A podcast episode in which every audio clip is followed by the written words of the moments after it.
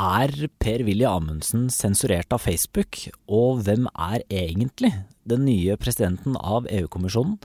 Denne ukas episode av Siste med Marie Simonsen fortsatt uten Marie Simonsen eh, får du her, eh, sammen med meg, Ola Magnussen Rydje. Jeg syns det blir litt spesielt. At Dagbladet driver med Donald Duck-journalistikk, det kjenner vi alle til. Men dette holder ikke. Du snakker jo bare visvask av arbeidslivet. Helt useriøst. You are fake news. Go ahead.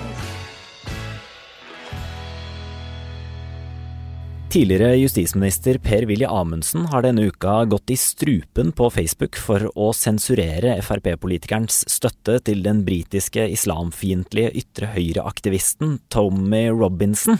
Eh, dette er et åpenbart overtramp for retten til å ytre seg, sa Amundsen til Dagbladet, eh, mens Facebook på sin side forsvarer eh, sensuren fordi de mener Robinson er farlig. Kommentator Martine Aurdal, hva er det som skjer her?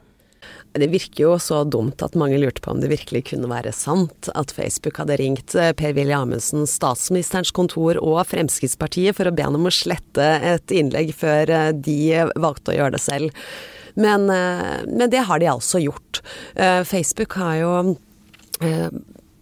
fått mye kritikk opp gjennom årene for å promotere egentlig ekstreme meninger og, og, og ytterliggående eh, poster gjennom sine algoritmer. Har forsøkt å lage regler for å demme opp for det, bl.a. etter at det ble påvist at det var veldig mye falske nyheter som ble spredd på Facebook under den amerikanske presidentvalgkampen. Ja, det har jo vært mye, mye press mot Facebook for å stanse både trollfabrikker og annen ekstrem propaganda. Ja, for de er jo veldig sårbare for, eh, for spredning av ekstreme meninger, og bidrar til å bygge opp populisme sånn som det har fungert. Og det er jo det de prøver å gjøre noe med, da. Eh, men så viser det seg jo at Facebook er en ganske dårlig redaktør, og det får da eh, denne typen eh, utslag, hvor de prøver å lage enkle regler, slik at underbetalte moderatorer kan håndheve dem enkelt. Men men det Amundsen skriver er jo åpenbart langt innenfor hva man burde akseptere i en offentlig debatt. Ja, for, for, hva var det Amundsen eh, posta på Facebook? Han postet en støtte til uh, den britiske høyreekstreme Tommy Robinson, uh, som har blitt arrestert til store demonstrasjoner i England, og som Amundsen ønsker å gi politisk asyl i Norge. Ja, eh, og det er da på bakgrunn av, eh, av dommene han har fått eh, i britisk rett. Det er det. Han er jo dømt bl.a. for å ha utvist ringeakt overfor retten etter å ha filmet en, ved en rettssak der det er nedlagt bildeforbud av retten. Så han er jo dømt etter helt vanlige lover og regler der borte, men det har jo vakt stor Eh, store protester der, og Amundsen har sett da, sitt snitt til å uttrykke støtte til han, og ønsker å, å få han til Norge under asylinstituttet. Hvordan begrunner Facebook eh, sensuren av Robinson? Nei, de har laget en regel uh, der man uh, Der de utestenger uh, organisasjoner og personer som de anser som farlige. Tommy Robinson rammes av den regelen og er utestengt fra Facebook selv. men en, en, annen regel, som er den Amundsen blir rammet av, er at de også forbyr støtte støtte til disse personene og organisasjonene, og derfor er det altså uh, dette innlegget har blitt fjerna. Ja, for i en uh, kommentar i Dagbladet skriver du at uh, Robinson er kanskje farlig, men Amundsen er ikke det, og han bør da få lov til å, til å ytre sin støtte til Robinson på på Facebook, mener du? Ja, jeg vil i hvert fall veldig gjerne vite at Per-Willy Amundsen støtter eh, Tommy Robinson, og, og, at den tidligere justisminister Erna Solbergs regjering ønsker å gi han politisk asyl. Det er interessant, eh, interessant å vite at han vet det, og det er eh, påstander som det selvfølgelig er eh, Altså meninger som det er lov til å ha, og som bør imøtegås med argumenter og ikke sensur. Har vi grunn til å frykte for ytringsfriheten vår på Facebook, eh, med tanke på måten eh, Facebook her eh, turer fram? Ja, det er i hvert fall mange problematiske sider ved måten Facebook håndterer sine regler på. Reglene framstår i stor grad som rigide, litt uforutsigbare, og håndhevingen kan, kan virke vilkårlig. Men det er forskjell på Eh, ytringsfrihet og plikt til å publisere. her i Dagbladet velger vi jo hver eneste dag bort artikler, og vi velger ut hva vi vil ha på trykk, og det er ansvarlig redaktør som til syvende og sist bestemmer det. Facebook er en privat bedrift og har selvfølgelig lov til å, å lage sine egne regler, uten at, uten at det nødvendigvis er et angrep på ytringsfriheten som sådan. Hvis Per-Willy Amundsen bare vil forholde seg til lovens rammer, så kan han starte sin egen blogg. Ja, for han blir jo ikke straffeforfulgt for å si de for å støtte Tommy Robinson. Nei, og ironien ligger jo tjukt over offeret her. Eh, Per-Willy Amundsen er jo kjent for å ha boikottet avisa i Tromsø i eh, over et år. Han har tatt til orde for at FrPs fylkeslag skulle boikotte Nord-Norges største avis, eh, Nordlys. Og han tar jo også i det Facebook-innlegget sitt til orde for å drive det som faktisk er sensur av Facebook, ved at man skal inn og og la politikere bestemme hva de skal måtte publisere.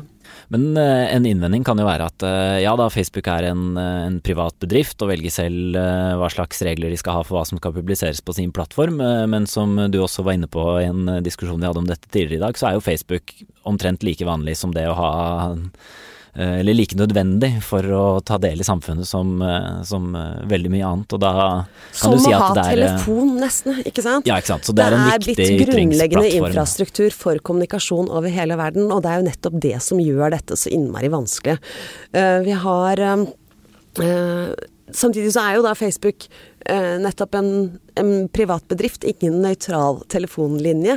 Eh, og de er, er ram, altså regulert av en lovgivning som gjør at de ikke er medium, men de er da heller ikke en nøytral linje for hva som helst. Og dette diskuteres jo nå inngående i mange land, men også da i USA, hvor eh, hvor det er denne section 230 som, eh, som, er denne loven. Og den er fra 1996, ble laget i en helt annen virkelighet. Eh, og hva slags eh, reguleringer man skal ha av sosiale medier, det er en debatt som vi kommer til å se mye av framover. Ja, du tror vi kan vente oss eh, et større politisk slag om dette nå eh, fremover? Det tror jeg absolutt. Eh, Hvitehus la i mai ut en egen side der de ba om historier fra folk som mente seg politisk sensurert i sosiale medier. De har fått inn tusenvis av disse. Både far og sønn Donald Trump har gått hardt ut mot alle teknologigigantene fordi at de mener at de driver sensur på liberalt grunnlag da, mot særlig Eh, konservative, som de kaller det, men som ja, vi vel kanskje brukte litt annet ord. Um, så, så, dette er definitivt en debatt på politisk nivå over hele verden akkurat nå. Og det er det også som gjør denne dårlige redigeringen eh, farlig. Eh, fordi at eh, Facebooks tilsynelatende litt vilkårlige, litt eh, rigide håndtering av disse reglene gir grobunn for konspirasjonsteorier og får sjanse kanskje stikk motsatt effekt av det Facebook egentlig ønsket. En dårlig dag på, på jobb for Facebook, men uh, godt uh, forklart fra deg, Martine. Tusen takk for at du kom. Takk sjøl. Denne uka ble den tyske kristendemokraten Ursula von der Leyen valgt til ny president i EU-kommisjonen, og ble med det den eh, innehaver av den mektigste politiske posten i EU de neste fem åra. Men prosessen for å få henne valgt, den eh, ble egentlig et salig rot, og kommentator og mangeårig utenriksjournalist i Dagbladet, Einar Hagvåg, eh, hva var det egentlig som skjedde? Ja, eh, det meste tråkla seg eh, til eh, etter valget til Europaparlamentet i, i mai. For i utgangspunktet fordi at det ikke i, i Europaparlamentet er noe rent og klart flertall for noen gruppe eller noen allianse. Så den måten de valgte å, å, å, å Eh, president i EU-kommisjonen ved forrige korsvei i 2004, der de eh, partigruppene i Europaparlamentet eh, på forhånd hadde stilt opp med hver sin eh, såkalt spitsenkandidat etter tysk. Det ble denne gang forkasta. det er EU-rådet av stats- og regjeringssjefene eh, i medlemslandene som skal foreslå for Europaparlamentet hvem som skal lede EU-kommisjonen. Og så er det Europaparlamentet som skal godkjenne det. Mm. Da, da, hadde på forhånd sosialdemokratene og de konservative og de liberale utnevnt hver sin spisskandidat. Og, og, og etter den sedvanen som ble innført forrige gang, eh, så skulle altså en av disse forsøke å vinne et, å, finne et flertall eh, i Europaparlamentet og, og, og, bli foreslått av, av EU-rådet. Men Eh, den franske presidenten Emmanuel Macron han ville ikke ha den konservative tyske kristeligdemokraten Manfred Weber, fordi han mangler regjeringserfaring og han var for lett, mente Macron. Eh, sosialistene eh, og de liberale eh, forsøkte å få sine eh, eh da eh, spisskandidater foreslått. Det var Frans Timmermans fra Nederland og Margrethe Vestager eh, fra Danmark. Mm. Hun siste var da de liberales kandidat. Eh, men Tsjekkia, Slovakia, Polen og Ungarn har vært under veldig hardt kritikk for brudd og tukling med rettsstatens prinsipper. Uh, og den som har ledet an i dette, har vært Frans Timmermans. Så de uh, la ned uh, veto mot han. Og så ble også Margrethe Vestager, Vestager fra de liberale forkasta. Mm. Og da kom i siste liten Macron opp med forslaget om å forsøke den tyske forsvarsministeren Ursula von der Leyen. Og det var det som ble lagt uh, fram som forslag fra EU-rådet til slutt. Ja, så hun er en slags da kompromisskandidat som de håpa på at uh, skulle få flertall i parlamentet. Ja. Og det fikk hun med nød og neppe. Hun trengte vel 370 Fire, tror jeg det var, stemmer. Fire stemmer og fikk 383. Ja. Uh, så det var med, med knapt flertall at, uh, at, man gikk med på hun. Men, men, hvem er hun? Altså, hun blir jo nå Europas mektigste politiker, nesten. I hvert fall i EU, da. Ja. Men hva vil hun? Ja, det er ikke så godt å si ennå. fordi at eh, For det første så uh, kom nok dette veldig bardus på henne. Hun hadde en knapp uke på å, å, å, å forberede seg. Og uh, hun har jo ikke erfaring fra uh, de viktigste institusjonene i EU heller. Eh, hun har selvfølgelig vært med i ministerrådet som, som både forsvarsminister, som eh, arbeidsminister, og som eh, det første hun var, var familieminister. Ja, for hun har vært statsråd i 14 år i Tyskland. Hun har vært statsråd i, i alle Angela Merkels regjeringer. Så det er klart, politisk erfaring har hun, men, men, men å manøvrere i det store EU er mye vanskeligere enn det. Ja, og når hun i utgangspunktet har et svakt uh, grunnlag å gå på, så kan det bli, en, eh, bli tøffe fem år for uh, van der Leyen. Det kan bli tøffe fem år. Uh, hun måtte legge inn i, i sitt politiske manifest, om vi kan kalle det sånn, stadig nye punkter helt fram til hun skulle holde sin valgtale for Europaparlamentet. Og da kom det inn en masse om økologi, klima. Det kom inn sosiale tiltak eh, for å, å, å, oppnå tilstrekkelig støtte i, eh, i, i parlamentet. Eh, hun fikk med seg eh, de fleste av sosialdemokratene, som eh, ikke ønska å skape krise på dette her. Uh, hun fikk med seg de liberale, og uh, hun fikk også med seg sin egen gruppe, de konservative. Men det var surmuling i alle grupper over at de ble nærmest påtvunget denne løsninga av, av EU-rådet. Ja, så det er et tøft utgangspunkt for henne selvfølgelig, men det må jo hjelpe også da at hun er foreslått av Frankrikes president og er da tett på, på Angela Merkel. Det er klart. Det er klart det hjelper.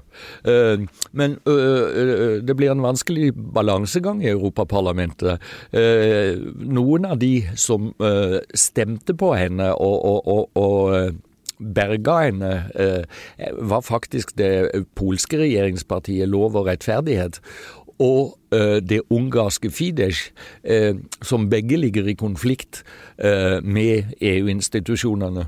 Og, og, og, og derfor er dette parlamentariske grunnlaget hennes veldig skjørt og veldig usikkert. Tror du hun vil, tror du hun vil lykkes?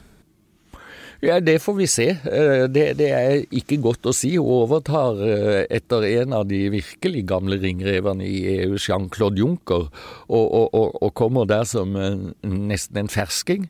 Eh, nå skal hun først sette sammen en, sin kommisjon. Og så skal den kommisjonen i sin helhet, og hver enkelt av de, godkjennes i, i Europaparlamentet. Der har hun lovt at halvparten skal være kvinner. Uh, noe som selvfølgelig uh, uh, var en del av den lokkematen hun kunne bruke for å, å, å vinne flertallet i, i, i parlamentet. og så skal det Det første hun kanskje får rett i fanget, det er den britiske utmeldinga av, av, EU. Ja, for hva vil dette ha å si for, for brexit-prosessen? Men Hun sa i sin tale at dersom det fantes en god grunn til det, så kunne hun eh, gå inn for å gi britene en lengre frist på å avgjøre om de skal ut eller ikke. Noe som ble mottatt med hånlatter fra brexit-tilhengerne i Europaparlamentet. Uh, fra, fra det, det, holdet, Nigel Farage, så ble hun jo uh, anklaga for å ville bygge opp en uh, modernisert kommuniststat. Intet mindre. Intet mindre. Eh, det blir uansett svært spennende tider for, eh, for både EU og dens eh, nye, nye, president. Tusen takk for at du hjalp oss forstå mer av dette rotet, Einar Hagvåg. Takk for meg. Det var det vi hadde i denne episoden av Siste med Marie uten Marie. Eh, tusen takk for at du hørte på, kjære lytter. Gå inn og like oss på Facebook, og abonner på oss i podkastappen din, og ha en riktig, riktig god helg.